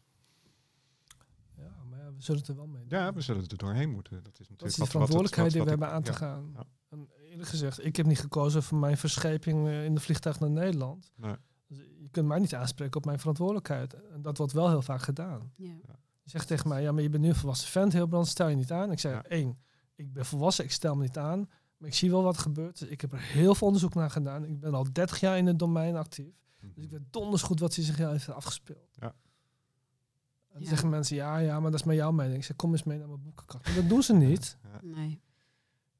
Want ze komen dan vanzelf achter dat het niet mijn persoonlijke mening is. Het is wel geladeerd met mijn persoonlijke ervaring en van vele andere geadopteerden. Mhm. Dat is de reden waarom ik hier echt emotioneel over kan zijn. Ja. Omdat het niet over één of twee geadopteerden gaat, maar over miljoenen. Ja. Wereldwijd. Ja. En we kunnen niet doen alsof dat een incident is. En het wordt nog steeds gepresenteerd in de media als een incident. Ja. Dan denk ik, waar zijn we in hemelsnaam mee bezig? Dus eigenlijk zoals jij het stelt, is er, is er gewoon geen mogelijkheid om op een gezonde manier te adopteren interlandelijk. Nee, eigenlijk. niet. Eigenlijk niet. Nee, je kan een baby, kan je niet- zoals je dat aangeeft. Je kan een eh, baby niet vragen wat een baby wil. Nee. Weet je, en ik heb natuurlijk zelf ook daar in ieder geval persoonlijk werk ook op, op gedaan. En ehm, ik had met een aantal andere geadopteerden hadden we een, een dialoog hierover of een gesprek hierover. Ehm, en zij zei, ja, ik weet helemaal niet of ik geroofd ben. Ik zeg, nou, ik heb me altijd geroofd gevoeld. En later dacht ik, ja, natuurlijk ben ik geroofd. Want voor ieder geadopteerde, en iedere geadopteerde is geroofd. En het is niet van toepassing of de ouders je nou hebben weggegeven of niet. Want het kind, in de beleving van het kind, is het kind weggescheurd van de plek waar die Ja. hoort. Dus, Ja, dus je dat, bent dus in zekere zin beroofd van je existentiële waarde, die je anders wel had gehad als je daar gebleven was. Even Ja. los van levensvatbaarheid, want dat Ja. is namelijk het argument wat elke keer ingebracht wordt door externen of adoptieouders en hun omgeving. Dat ze allemaal argumenten voor jou al hebben waarom je hier eigenlijk niet over mag praten. Eén, precies. je had het anders niet overleefd. Nou, dat vind ik een heel erg slecht argument. Dat is een mager blijkt- argument, want we blijkt- weten het ook niet. Nee, dus het feit dat heel veel gezinnen, als ik bijvoorbeeld naar de gezinnen van mijn eh, vrouw kijk, die ook geadopteerd is, haar hele gezin bestaat nog en die hebben gewoon normaal leven in Korea. Ja. Ja. Hoezo? Ja, Had, had ze geen kans gehad? nee. Ik noem maar een voorbeeld. Ja. Twee, is dat je moeder dan prostituee zou zijn geweest. Nou, de Ja. meeste moeders die hun kinderen hebben afstaan, zaten helemaal niet in de prostitutie, dus hoe komen ze erbij? Hè? En drie is dat ze feit, ja, maar anders had je de geneeskundige zorg niet gehad die je niet wel had gehad, denk ik. Ja. Nee, weet je, Ja. jongens, met dit soort mensen eh, Ja. kun je geen normaal gesprek voeren. Hey, en dan zijn er ook nog wel mensen die ik ken die zeggen dan, eh, ja, maar ja, hoe zit het dan met kinderen die bij wie een, eh, dus niet geadopteerden, die een biologische ouder vroeg in het leven verliezen. En dat vinden ze dan heel vergelijkbaar met adoptie. Ik, ik vind dat niet per se vergelijkbaar met adoptie. Ik kan hem niet helemaal. Bij kinderen vatten. die zeg maar eh, al heel vroeg wees worden. Ja. Ja, is dat dan hetzelfde als adoptie? Systemisch gezien, dat is eigenlijk- toch heel Systeem anders. is niet. Nee, systeem Nee, is ze, niet. ver- Nee. ze verliezen beide ouders. Ja, Het gaat over eh, een, een gelijkluidend proces wat we de verwezing noemen van kinderen. Hè? Dus Ja. kinderen wees worden. Maar dat is ook geen adoptie. nee, dat is echt totaal anders. Dus wat ze gelijkmatig hebben is het verlies van ouders. En Ja. alle effecten die erbij komen kijken. Maar het gaat niet over verplaatsing migratie. Exact. Althans niet per definitie. Nee, In niet. sommige gevallen is dat wel zo natuurlijk. Maar, eh, Ja, afhankelijk van wat de stappen zijn natuurlijk daarna. Ja, maar ik vind het ook zo intrigerend. Hè? Dus als adoptie als heel hard blijft volhouden, zegt nou oké, nu heb je je eigen kinderen die uit jou geboren zijn. En dan zeg ik tegen hen, nou ik ken wel een aantal rijke Russen die eigenlijk een wit kindje uit Nederland willen hebben. Dus geef je je kind op, want sociaal-economisch heeft dat kind waarschijnlijk meer kans in Ja. Rusland dan in de achterbuurt van eh, Amsterdam. Om, Ja. eh, dus waarom doen we dat niet? Dan zeg je, dan is het een moord en brand. Dan denk ik, Ja, dat kan niet. hoezo is het dan moord en brand? Ik bedoel, Ja. dat is toch dezelfde argumentatie? ja. En waarom mag een Syrisch gezin eh, van roken, rijke oliebarons geen kind uit eh, de Schilderswijk in Den Haag adopteren omdat de Nederlandse wetgever besloten heeft dat we dat niet doen? Ja. Leg me dat eens uit. Dus we adopteren wel in, hè? dat doen we de inbound Ja. eh, kinderen zoals Mhm. wij. Ja. We doen geen outbound kinderen. Ja. Dus wij adopteren niet eh, naar buiten. Dus kinderen in Nederland kunnen niet geadopteerd worden door derden. Ja. Als we echt geloven in de heiligheid van adoptie, dan moeten we als de bliksem onze grenzen opengooien. Ja. Ja. En dan Ja. zie je, waarom doen we dat niet? Omdat we geloven dat kinderen in Nederland, ongeacht hoe arm ze ook zijn, of dat ze één ouder gezin hebben, dat die gewoon een mogelijkheid tot overleven hebben in Nederland. Terwijl ze wellicht heel liefdevol in eh, kunnen opgeva- opgevangen kunnen worden. Ja, wie, zal, ze- wie zal niet zeggen Ja. dat eh, Chinese ouders zonder kinderen misschien niet een leuk kindje uit Rotterdam kunnen adopteren? Ja. Ik heb er ook zo'n artikel over geschreven, waar mensen heel boos over. Want ik, ik draaide dezelfde argumenten om hè, voor de Nederlandse markt, zeg maar. Zijn mensen heel boos over geworden. Ik denk, hoezo zijn jullie nu plotseling boos omdat we dezelfde argumenten gebruiken voor de Nederlandse kindermarkt? Ja. Waar- waarom ben je nu plotseling wel boos? Ik snap Ja. dat niet. Nee. Nee, maar, Nee. dat Dus het gaat over bezit. Snap je? Dus daarom kom ja. ik op het onderwerp bezit. bezit. Het kind als bezit. Ja. Ja. Want als wij- je, Wij hebben recht op het idee. ja, maar als je gelooft in zorg, dan zou je ook moeten zeggen, kinderen die slecht in de eh, zorg of in Nederlandse zorgstelsel uitvallen, waarom niet laten Ja. verzorgen door derden in het buitenland? Ja, precies. Dat is toch dezelfde argumentatie? Ja. En als we even kijken, even, want we hebben natuurlijk nu, eh, als, als ik, ik, eh, kijken naar de huidige jeugdzorg, hè, waar kinderen uit huis geplaatst worden. Ja. Mhm. Zie, zie je daar parallellen of is dat ook weer hè, wat jij net zei? eh, Nou, de parallel is, en dat is echt wel een, een schandvlek op de, eh, op zeg maar de orthopedagogiek en eh, de mhm. kinderpsychologie, is dat zorg voor ouderschap gaat. Ja. En Dat is ook de Nederlandse wetgever is dat zo ingeregeld. Hè? Dus, je kunt je positie als ouder verliezen op het moment dat een staatsinstelling of een overheidsinstantie, dat kan ook lokaal zijn, hè, gemeente, Ja. vindt dat je slecht voor je kind zorgt, kan- kunnen jouw kinderen zeg maar, jou ontnomen worden via de wet. Ja. En of dat zeg maar eh, gelijk gepaard gaat met eh, ouderlijke zorg, eh, dat is nog maar de vraag. Want die ouders, in veel gevallen weet ik een aantal casuïstieken, vooral hier vlakbij, is dat de ouders echt maar zonder eigenlijk waarschuwing te horen kregen dat de kinderen onder toezichtstelling kwamen te zitten. Even los van de reden. Maar dat die ouders door geen enkele hulpverleningsinstantie zijn gehoord. Nee. Ja. Maar die hulpverleningsinstanties gaan zich verplaatsen als zijnde de betere ouder. En die gaan die kinderen dan plotseling beschermen. Totaal geen oog voor het hele systeem. Nee. Ja. Denk ik, anno 2021, waar zijn we in hemelsnaam mee bezig? Ja. Ja. Daar zit die parallel. ja, precies. Dus, eh, Want de, de, de kinderpsychologie, eh, met name de moderne wetenschappelijke benadering, gaat heel erg over zorg en niet over ouderschap. Ja. Dus, eh, Ik zal zelfs zo zeggen dat een aantal van hen, ik ken een aantal van gespecialiseerde, laat ik zeggen, promovenden op dit gebied, die, die, beschermen de kinderen als zijn hun eigen kinderen en hebben eigenlijk weinig tot geen oog voor die ouders. Nou, dat vind ik echt, eh, Ja, dat kan eigenlijk niet. dat kan Nee. gewoon eigenlijk Nee. niet. Weet je. Nee. eh, hey, ik zie dat we naar een afronding moeten gaan.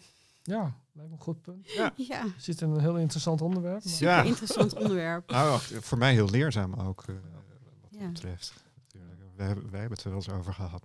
Zeker. Maar Maar de linker is het in die zin ook, hè, als we het toch op de belichaming hebben, zoals ik al eerder zei, Ja. hè, die incarnatieprincipe van als adoptieouders gewoon zouden durven toegeven dat zij zeg maar zowel het licht zijn als de horror, want in zekere zin zou ik Mhm. je zeggen, zij zijn het kwaad en de verlichting. Alleen ze willen Ja. alleen de licht in hun eigen ogen zien, maar niet het kwaad in henzelf. En daardoor kunnen we nog steeds de discussie niet eh, landelijk en internationaal voeren. Ja. Want het zou voor heel veel geadopteerden gewoon echt schelen als adoptieouders zeggen... luister, wij zijn degene die hier gehandeld hebben. Wij hebben hier hoofdzakelijke verantwoordelijkheid. Wij gaan zorgen dat die rechten Ja. eh, gestand worden gedaan. Wij gaan jullie supporten. Ik denk, daarmee zou een hele systeem ontladen worden. Ja. Ja. In plaats van dat zien we nog steeds En dan hele kuddes... ruimte. Ja, Exact. Ja. ja. Ja. En daarna Dus, kan er heling zijn. precies. Of, nou ja. Ja. ja, ja, die stap maken. Dus het gaat Ja. in die zin weer over belichaam. Kunnen die adoptieouders er zijn met alles wie ze zijn? Precies. Dus, Ja, het is echt een super interessant onderwerp. Zeker in ja. relatie ook nou tot ja, belichaming ook weer. Hè? Want daar zijn we natuurlijk mee gestart. Ik denk dat we ook wel ja, dat onderwerp meerdere keren helemaal terug Ja. hebben gepakt. ja. Hilbrand, is er nog iets wat jij als laatste zou willen delen? En misschien ook niet. En dan is het ook goed. nou, ik heb altijd heel veel te delen. Dat, Ja, dat mensen vaak heel erg... eh, Op dit onderwerp van belichaming en leiderschap misschien. Ja. Nou, ik vind het heel belangrijk dat we eigenlijk eh, misschien eh, eh, lessen zouden moeten geven over lichaam en liefde in, vanaf de basisschool. Ja. Ja. De basisschool. En ik vind het zo frappant dat we kinderen zeg maar toekomstgereed maken hè, voor de toekomst. Maar dat we de meest essentiële lessen over communicatie, over samenleven, over wie je bent als mens, dat we dat nog steeds niet hebben geïntegreerd in ons lespakket. Ik vind Nee. dat echt niet te volgen. Nee, is het ook niet. En ik snap niet waarom de overheid het niet wil. Ja, ergens snap ik het wel. Want mensen leren daardoor veel meer zelf na te denken, na te voelen. En dat komt de meeste overheid niet goed uit. Dus ik snap Nee. wel waarom ze het... Maar als dat zeg maar de insteek is, en de overheid zal dit ontkennen overigens, want ik heb wel eens gesprekken gevoerd met de overheid hierover. Ze zeggen, nee, daar hebben we nog nooit over nagedacht. Ik zeg, maar waarom gaan jullie het niet doen? En het meeste antwoord is, ja, complex, complex. Ik zeg, ja, wiskunde is ook complex. Ja. Ja. En dat wordt wel gedoseerd. Maar er is natuurlijk niks eh, spannenders dan zelfdenkende mensen. Ja, precies. Dus, eh, Dus het feit dat we eigenlijk in zekere zin de samenleving eh, leren niet voor zichzelf op te komen, dat vind ik een gevaarlijke teken aan de Ja. Ja, Ja. ik ook. Dat, eh, ik dus, eh, Zeker in de context van deze tijd is dat denk ik geen overbodige luxe om dat wel een keer op de agenda te zetten. nou, ja, mooi om hiermee te besluiten. Hilbrand, onwijs bedankt. Ja, graag gedaan. erg genoten van ons gesprek met elkaar. Ja. zeker omgevlogen. Het is ook wat langer geworden dan, eh, dan we normaal doen. Ja, maar goed. Floris, is er nog iets wat jij als laatste wil Nou zeggen? ja, ik, ik, ik, ik, moet eerlijk zeggen, ik, eh, nou ja, dank voor het inzicht wat je me gegeven hebt daarin. Hè. Ja, wat dat graag betreft is dat, eh, eh, je denkt wel, nou, merk je aan jezelf ook, dat je natuurlijk je hele systeem meebrengt. Ja. Ook het- dit gesprek in. Ja. Ja. En ik, eh, ik vind dat wel mooi om, of in ieder geval vanuit verschillende systemen te, te kijken en ook te leren kijken. Dus wat dat betreft, eh, ja, dank je. Ja, graag gedaan. Fijn dat je ook de goede vragen stelt. Ja. Ja, mooi is dat. Hey, dank voor het luisteren, voor wie het helemaal heeft volgehouden tot het eind. En eh, graag tot de volgende keer.